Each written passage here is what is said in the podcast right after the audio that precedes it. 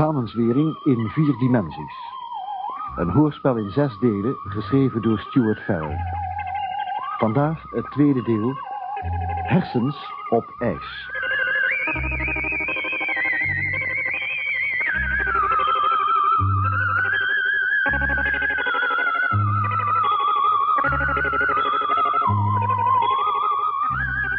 Hoofdinspecteur Harvey Grant van de Engelse Special Branch en hoofdinspecteur Joop van Maas van de Nederlandse Rijkspolitie leiden het onderzoek naar het ontstaan van het uitlekken van geheime gegevens over een Engels-Nederlandse atoomovereenkomst. Gewapend met voortijdige kennis heeft iemand zijn slag kunnen slaan op de beurzen van Londen en Amsterdam. Slechts twee mensen kunnen de details geweten hebben. Een Nederlandse en een Engelse minister. Hoewel het onmogelijk is dat zij de schuldigen zijn, lijkt er geen andere oplossing mogelijk. Naar aanleiding van een vage spoor brengen Van Maas en zijn assistente, inspectrice Wanda Noordijk, een onofficieel bezoek aan een fotostudio in Den Haag. En daar treffen ze uiterst vreemde apparatuur aan, verborgen in een paar studiolampen. Het begint er eindelijk op te lijken dat we een beetje warm beginnen te worden, Joop. Allemachtig, laserstralen. Hoe chanteer je daarmee je cliëntele? Jij denkt dus toch aan chantage? De enige mogelijkheid, Douglas. Twee ministers laten staatsgeheimen los. En die twee bewindslieden zijn op hun beurt weer betrokken bij de zelfmoord van twee mannen die op het hoogtepunt van hun carrière zelfmoord plegen. De enige overeenkomst is dat ze alle vier hun portret hebben laten maken door twee fotografen met studio's in Den Haag en in Londen. En die Haagse studio is uitgerust met een vreemd science fiction-achtig apparaat dat verborgen is in de studiolampen. Nou, als dat niet naar chantage riekt. Ik ben het met je eens. Ik wil er heel wat onder verwedden dat we in de Londense vestiging van de heren Nelson en Beekman dezelfde laserapparatuur zullen aantreffen. En er is maar één manier om daarachter te komen. Nog een onofficiële huiszoeking. En ditmaal zullen Dakkeles en ik dat zaakje opknappen. Het lijkt me best dat jullie meegaan naar Londen. Joop, Ja. jij ook, eh Wanda. Ja, ja. Ja. Jullie kunnen in mijn flat logeren. En neem maar van mij aan dat wij die hele zaak zullen fotograferen.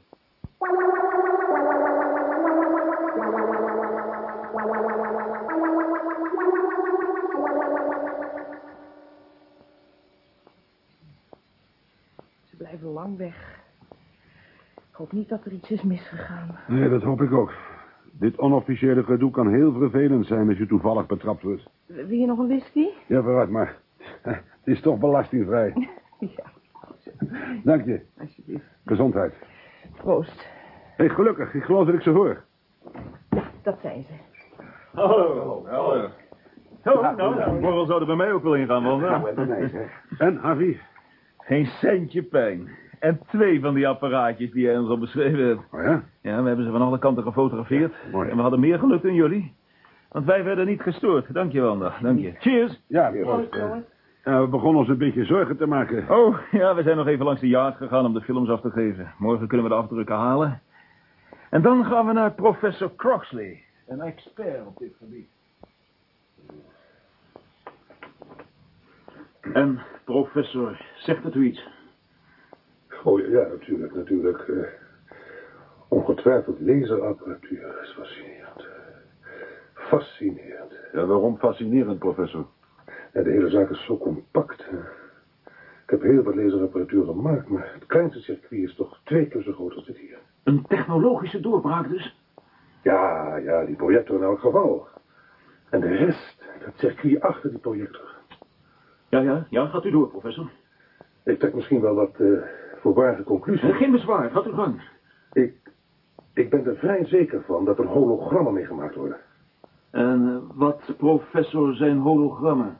Eh, heeft u wel eens een driedimensionale foto gezien? Oh, de stereoscopie bedoelt u? Eh, juist, ja. Door middel van die stereoscopie kun je een driedimensionale foto maken, maar vanuit één punt.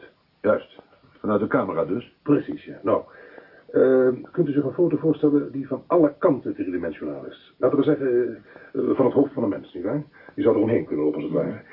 Eerst een driedimensionale linkerkant, dan een driedimensionale plaat van voren, En vervolgens een driedimensionale foto van de rechterkant. En dat dan allemaal in één foto. Kijk, dat is nou ongeveer het principe van een hologram.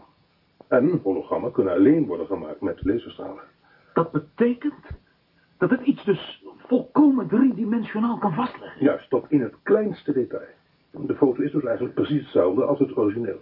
En u gelooft dat het met deze apparatuur gedaan kan worden? Ja, Het is natuurlijk eh, onmogelijk om op grond van deze foto's een definitief oordeel uit te spreken. Ik moet het apparaat zelf onderzoeken natuurlijk. Ja, ja, dat, dat is helaas niet mogelijk. Het, het gaat hier om een onderzoek naar een misdaad. En, en deze foto's zijn ons wat officieus in handen gespeeld. eh. Jammer, jammer.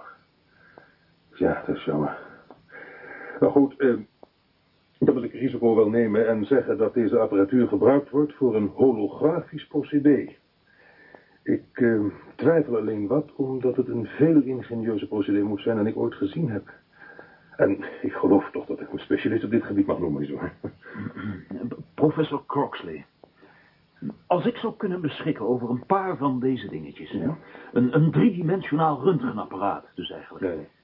Zou het dan mogelijk zijn de menselijke hersenen te fotograferen? Ja, en wel zo dat ik achteraf kan nalezen wat er gedacht wordt. Harvey, dat kan toch niet? Eh, ja, het is anders iets, meneer Van Maas, waar heel wat holografieonderzoekers van gedroomd hebben. Inclusief ondergetekende. Ehm, als het u wel iets vertelt, meneer heren, kunt u het dan voor uzelf houden.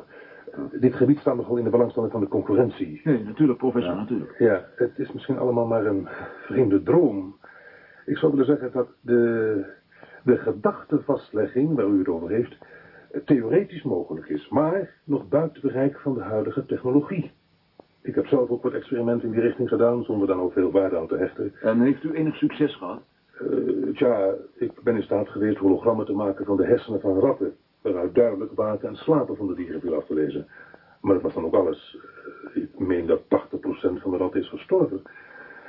U begrijpt dus, de stap naar het vastleggen van menselijke gedachten, zonder daarbij de hersenen te beschadigen, is heel erg groot, meneer. Heel, heel, heel erg groot. Maar theoretisch mogelijk. Theoretisch mogelijk, wel zeker. Maar er is natuurlijk nog een ander probleem.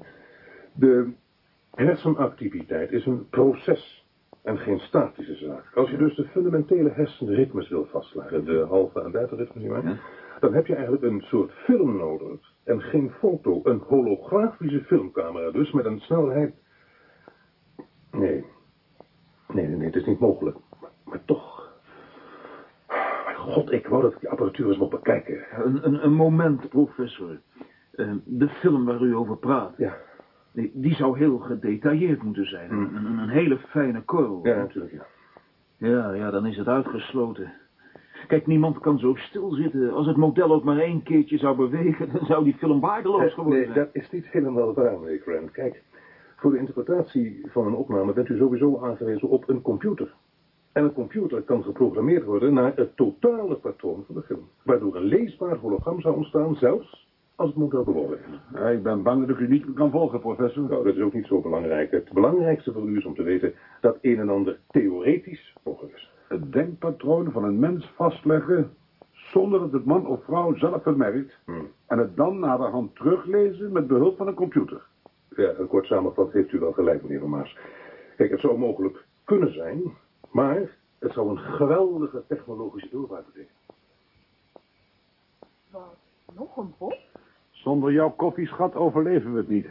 Deze hele waanzin. Precies, het juiste woord. Waanzin. Pure waanzin. De gedachten van mensen opnemen met een laserstraal. Ik vind het angstaanjagend. De implicaties alleen al. Het is onmogelijk. En toch zitten we kennelijk op het goede spoor. Croxley gelooft dat die apparaten daarvoor gebruikt worden. En wanneer ze dan geïnstalleerd zijn in twee fotostudio's. Wa- Wanneer er tenminste vier klanten van die studio's gechanteerd zijn. Of in het geval van onze twee ministers, wanneer deze twee heren informatie ontfutseld is. Feiten, ze schijnen voor zichzelf te spreken. We moeten het Een geloven. momentje. Het klopt nog steeds niet. De twee ministers. Hm? Onze onbekende verdachte heeft twee lijsten losgekregen om die beursspeculaties op te zetten. Ja, tot zover klopt het. Het weten we al, Ja, Wanda. maar luister nou even. Zelfs als er hologrammen van hun hersens gemaakt zouden zijn. Die twee portretten zijn een hele tijd geleden gemaakt. Dat van Stellard Herfst vorig jaar en dat van Sir Thomas... In 1973. Juist. Ik begrijp wat je bedoelt. Ja, ik niet. Nou ja, zo lang geleden kenden ze die lijsten niet eens. De hologrammen moeten een dag of twee voor de onderhandelingen gemaakt zijn. Hoe kan dat dan? Ze heeft gelijk. Nou, dan zijn we dus geen stap verder gekomen. Maar onze hologramtheorie moet op de een of andere manier kloppen. Mag ik dan als vrouw van de politieman een suggestie doen? Maar dan alsjeblieft geen telepathie, hè, liefje? Ja, daar geloof je niet in, dat weet ik al. Laat die man van je maar praten, Vera. Ga je gang. Dank je, Havi.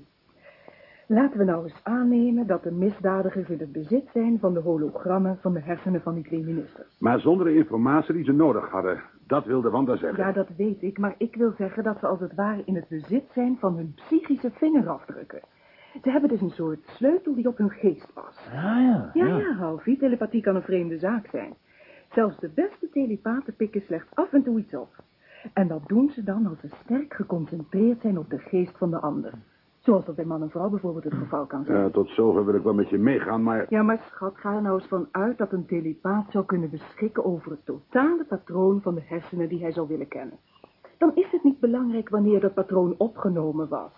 Want zoveel kan erin niet veranderen. In dat geval zou het mogelijk kunnen zijn dat hij op elk gewenst moment de gedachten van die hersenen zou kunnen lezen. Hij hoeft dan niks anders te doen dan zijn eigen gedachten te richten op de golflengte van de hersenen waarvan hij het basispatroon heeft. En vervolgens leest hij woord voor woord de gedachten. Wat afschuwelijk. Dat is een boeiende theorie. Hè, Joop? Nou, ik vind dat wat moeilijk om het toe te geven, maar... Ja, het is tot nu toe het enige antwoord op ons probleem. Vraag is alleen, eh, wat doen we eraan? Als we nou eens een bezoek brachten aan die studio's. Huh? Maar laten we dan ditmaal proberen een lijst te krijgen van alle klanten. En daarna zoeken we uit wie van hen gechanteerd wordt. Tot nu toe hebben we vier mogelijke chantagegevallen. Maar vinden we er meer, dan zitten we goed. Je hebt gelijk. Maar dit keer zullen we de zaak wat zorgvuldiger opzetten. We laten Nelson en Beekman naar het bureau komen met een of ander smoesje. En wanneer ze weg zijn, kunnen wij de studio's. Vijftien klanten zijn doodsbang. Een echt wespennest. Mortimer en Ten Bos hebben een goed stuk werk afgeleverd. Ik ben alleen bang dat we de zaak nu zo in beroering gebracht hebben... dat onze meneer X Lond begint te ruiken. Jim Barnett heeft mij overtuigd. Eh, wie is dat, Harvey? Een brigadier van Scotland Yard. Een paar maanden geleden heeft hij zijn portret laten maken in de Londense studio. En op dit moment is hij tijdelijk geschorst... onder verdenking van het doorgeven van vertrouwelijke gegevens aan gangsters. En volgens jou is hij onschuldig? En daar wil ik mijn pensioen onder verwedden. Ik geloof dat Vera gelijk heeft met haar theorie. De misdadigers hebben een permanente mogelijkheid om de gedachten van Jim te leren kennen... zonder dat hij daar zelf erg in heeft. Kunnen we met hem praten? Hem bij ons onderzoek betrekken? Terwijl hij geschorst is... Nou, dan moet ik de commissaris een heel mooi verhaaltje vertellen. Wacht even. Als we het zouden doen... en als het waar is dat Nelson en Beekman toegang hebben tot zijn gedachten... dan komen ze er ook achter wat wij van plan zijn. Verdomme, je hebt gelijk. Luister nou eens goed. We hebben genoeg bewijsmateriaal om Nelson en Beekman te arresteren onder verdenking van chantage. Doen we dat, dan kunnen we hun studio's ontmantelen. Professor Coxley die laserapparatuur laten onderzoeken en die brigadier bij het onderzoek betrekken. In het huis van bewaring kunnen ze heus zijn gedachten niet lezen. Daar hebben ze een computer voor nodig. Waar ze die ook verborgen houden. Daar komen we wel achter, als we ze eenmaal in verzekerde bewaring hebben.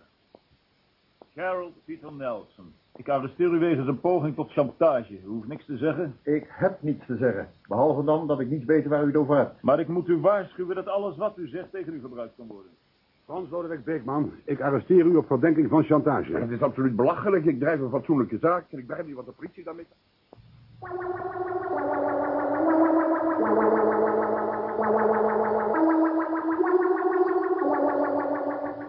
U maakt van een volkomen normale zaak een mysterie-inspecteur. De heer Beekman en ik hebben inderdaad geëxperimenteerd met laserholografie. Dat doen meer mensen. Er is niets misdadigs aan. En wat voor doel hebben uw experimenten, meneer Nelson? Uh, wij bekijken de mogelijkheden van de holografie als kunstvorm. Mijn partner en ik zijn creatieve mensen. En alhoewel de portretfotografie ons bepaald geen windeieren gelegd heeft, tenderen wij allebei meer naar het creatieve werk. U moet wel erg goed geboord hebben, want volgens mijn gegevens is uw laserapparatuur bijzonder kostbaar. Ik neem aan dat uw informant een expert op dit gebied is. En hij zal zeker onder de indruk geweest zijn. Het is ook een zeer bijzondere uitvoering, maar eerder ingenieus dan kostbaar.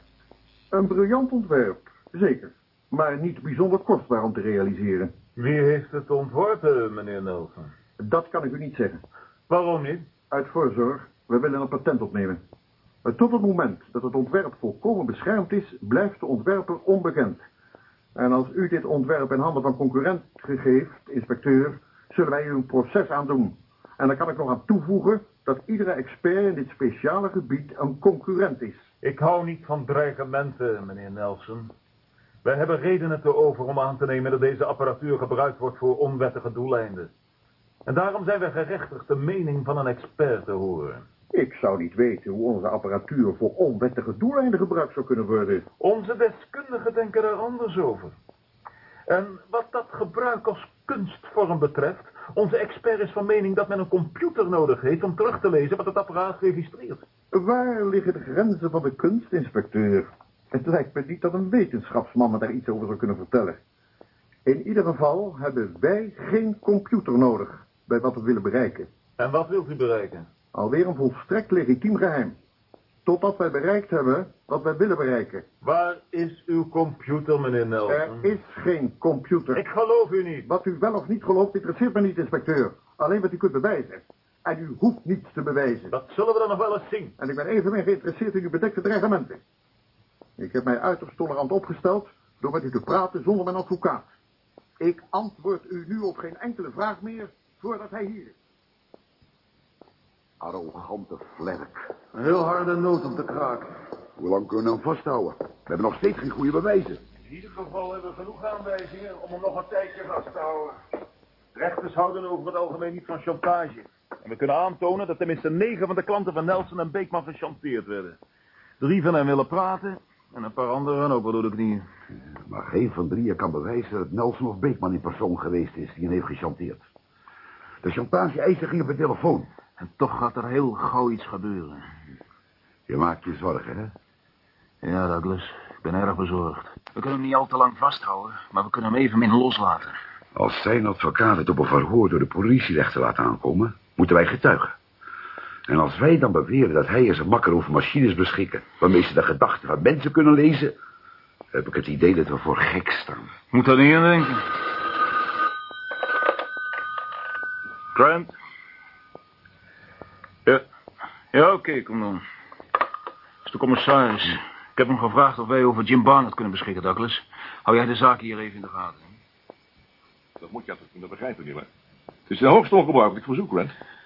De beschuldigingen die tegen Barnett zijn ingebracht worden nog onderzocht... en toch wil je dat ik zijn schorsing uitstel? Nou ja, niet officieel, meneer. En dan nog alleen om met mij en de Nederlanders samen te werken. Ik, ik zal hem niet zomaar de wei insturen.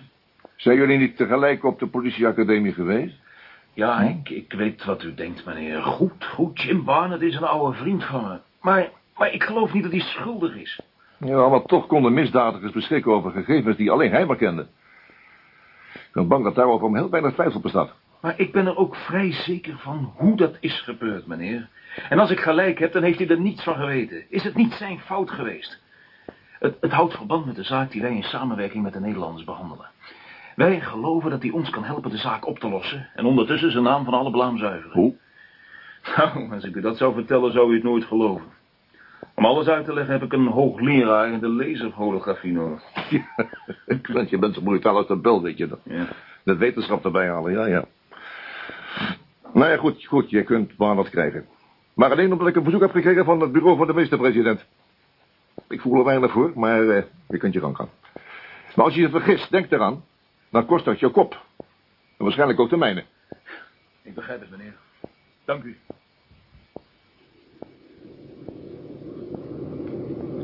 Dames en heren, u mag uw riemen losmaken en u kunt roken.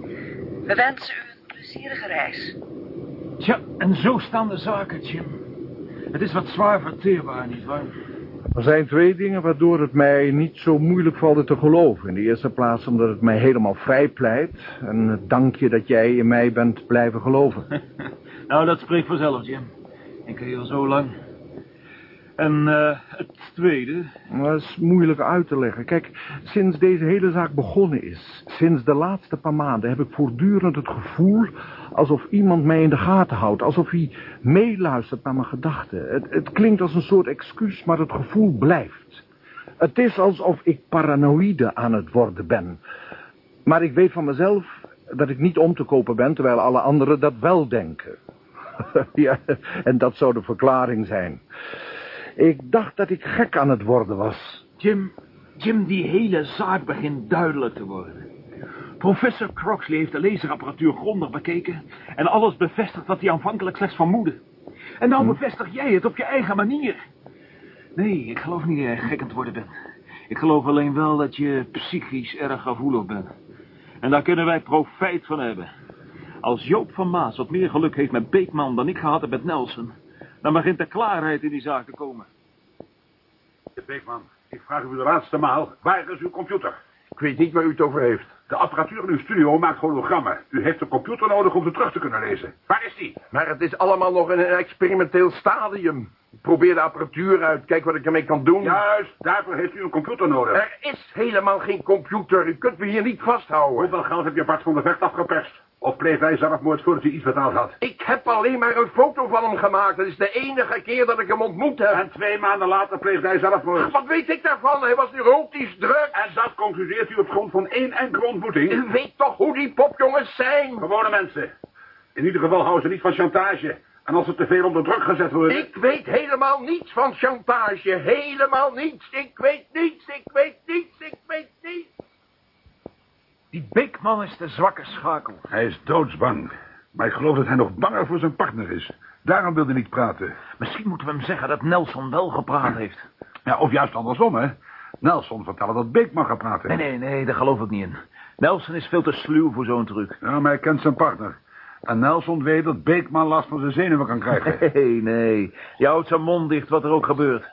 We zullen Beekman moeten aanpakken. Harvey, Harvey, ik voel het weer. Nu op dit moment alsof, alsof iemand bij mij naar binnen kijkt. Ah, dat kan toch niet. dat moet verbeelding zijn. Nee, nee, het, het is geen verbeelding. Ja, ja, kom nou. Nee, daar moet je niet om lachen, Joop. Als Jim zegt dat er iemand bij hem naar binnen kijkt, dan is dat zo. Ik wist meteen dat hij mediamieke gaven heeft. Dank je. Ik weet alleen niet of het een compliment is, maar het is prettig weer eens geloofd te worden. Uh, daar hebben we de geesten weer. Ja, sorry, uh, Jim. Ik hoop dat het niet te grof was, maar mijn vrouw vond me daar iedere dag mee lastig. Misschien heeft ze gelijk, ik, ik hoop het in ieder geval. Anders word ik gek. Ik, ik weet alleen maar wat ik voel en dat, en dat bevalt me helemaal niet. Alsof iemand naar me zit te kijken. Nou, laten we veiligheidshalve maar aannemen dat hij bij het rechte eind is. Dat zou dan immers betekenen dat iemand ons door middel van Jim in de gaten houdt. Nelson en Beekman kunnen we gevoeglijk uitschakelen, want de telepaat is ongetwijfeld iemand anders. Die heeft zich veilig verschanst bij zijn computer, waarin de hersenritmen van Jim liggen opgeslagen. Nou ja, bij wijze van spreken dan nog altijd. Verdomme, Beekman moet praten. En Harvey, jij en Jim moeten erbij zijn. Als Vera gelijk heeft en Jim is mediamiek begaafd, wat het er ook inhoudt, dan pikt hij misschien iets op. Waar is uw computer, meneer Beekman? Maar ik heb u toch al honderdmaal gezegd dat ik niet weet waar u het over heeft. Ik heb het over uw computer. Er is geen computer. Volgens onze deskundigen moet er een zijn. Ze hebben uw laserapparatuur onderzocht en vastgesteld dat er een computer voor nodig is om de hologrammen terug te lezen. Dan zijn uw deskundigen aan buiten. Jim, nee, bij hem in ieder geval niet. Hij is niet de telepaat. Daar heeft hij het nou te druk voor. Maar, maar ik voel wel iets van, van, iemand anders. Hij luistert meer. Zo sterk heb ik het nog nooit gevoeld. Nelson, misschien... Dat, dat weet ik niet, dat weet ik niet. Misschien toch iemand anders. Een derde. Blijf het proberen, Jim. Blijf proberen. Blijf dat u liegt. Ik geloof het niet. Dan niet. Wacht u dan maar tot u in de rechtszaal geconfronteerd wordt met de getuigenis van Nelson. En het bewijsmateriaal van een aantal van uw chantageslachtoffers. Mary Hartwell bijvoorbeeld. De reporter Snyder. Walter Andrews. Ze hebben allemaal een verklaring gegeven. Zo ziet de zaak er toch wat anders uit, nietwaar? Dat, dat kan niet. Dat zouden ze niet durven. En waarom zouden ze dat niet durven, meneer Beekman? Goed. Ik zal het u vertellen. Maar als ik met u samenwerk, zijn er dan verzachtende omstandigheden? Dat is helemaal aan de rechter. Maar op grond van mijn ervaring kan ik wel stellen dat de rechter heel wat harder is wanneer u niet meewerkt. U heeft gelijk. Ah. Er is een computer.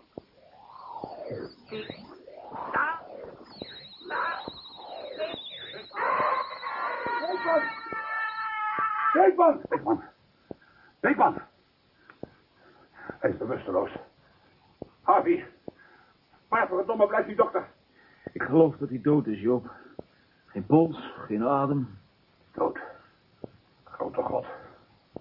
Nee, wat is er aan de hand, inspecteur? Dokter, deze man, eh, hij is onwel geworden. Hoe mag ik er even bij? Ja, gang, dokter. Harvey, Ja? dat, dat gevoel toen hij begon te schreeuwen... leek het alsof mijn hoofd uit elkaar gescheurd werd. Ja, dat verbaast me niks. Ik werd daar ook zenuwachtig. Nee, dat, dat bedoel ik niet, bedoel ik niet. Het was alsof iemand mijn hersenen uit elkaar wilde rukken. Het, het kwam van buiten. Inspecteur, deze man is dood. Dood. Maar hoe? Ja, vooruitlopend op de sectie. Ik zou zeggen een hersenbloeding. Stond hij onder grote druk? U, dokter. Niks bijzonders. Eh, Deze heren kunnen het bevestigen. Hij was juist wat kalmer geworden en stond op het punt ons iets te vertellen. Inspecteur telefoon, Scotland Yard.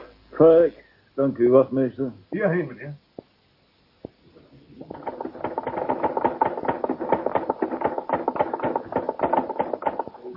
Hé, hey, Harvey. Ah, even mijn rapport afmaken. Smerige zaak, hè? Ja, het is nog smeriger geworden. Hoezo? Dat telefoontje van de jacht? Ja, dat was Rex Mortimer. Nelson is ook dood. Wat zeg je? En ook tijdens het verhoor? Nee, nee, hij zat rustig in zijn cel. De cipier had hem net zijn lunch gebracht. Nelson maakte nog een grapje. En plotseling gilde hij en stierf. Net als Beekman. En op hetzelfde moment.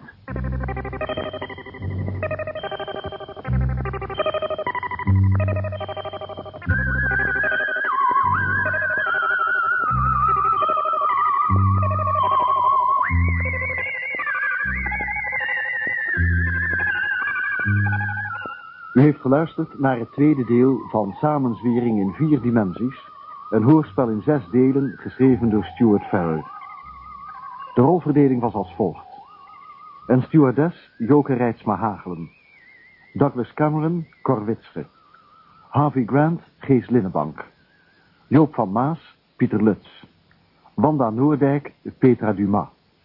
Vera van Maas, Els Buitendijk. Professor Croxley, Hans Veerman. Nelson, Joop van den Donk. Beekman, Frans Kokshoorn. Een commissaris, Jan Borkes.